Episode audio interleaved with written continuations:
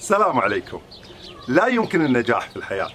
حينما لا نفرق بين المشكلات القادمة إلينا كأصل والمشكلات القادمة إلينا كاستثناء. والتفرقة بين الأصل والاستثناء وإن كان أمر بسيط إلا أن البعض لا يحسن استخدامه في حياته. فهي مثل مثل الفلاتر التي يجب أن نضعها قبل رؤية حقائق الأمور. حينما نكون أصحاء ونتناول سم الأفاعي سنمرض لكن هذا السم سيعالجنا إذا كنا مرضى. وهكذا الأصل والاستثناء علاجه يختلف ويجعلنا نتغلب على مشكلاتنا. حينما نربي أطفالنا فالأصل أن نربيهم بالحب والعطف والحنان واللين. لكن بعض الأوضاع الدقيقة تتطلب منا القسوة. تتطلب منا الحزم. ومن لا يجيد التفرقة لن يعامل أطفاله بتلك القسوة وستبقى مشكلات أولاده موجودة معه. يقول الشاعر قسى ليزدجروا ومن كان راحما فليقس أحيانا على من يرحمي. وكذلك هي الحياة هناك أصل وهناك استثناء.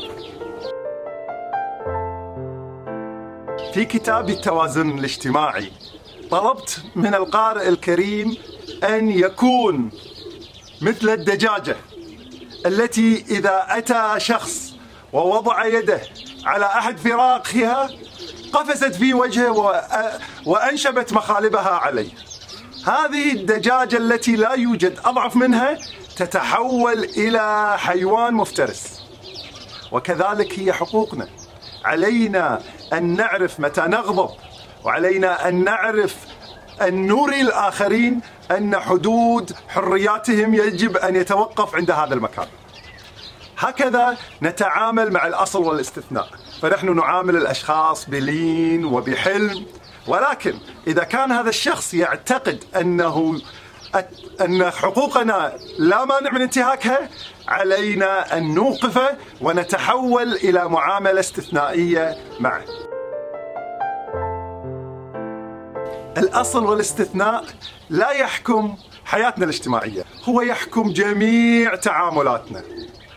حتى في سوق الأسهم إذا علمت أن هذا الانخفاض هو استثنائي لهذا السهم ستحرز الكثير من الأرباح. أما إذا كنت تعتقد أن هذا السهم انخفض ولن يعود وهو كأصل ستبيع أسهمك بخسارة ثم يعود السهم لما لسابق عهده.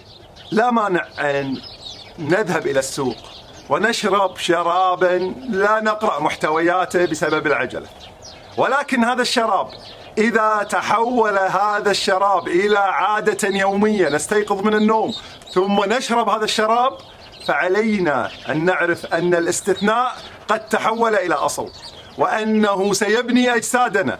وعليه علي أن نعرف كل عنصر من عناصر هذا الشراب هل ينفعنا أم لا.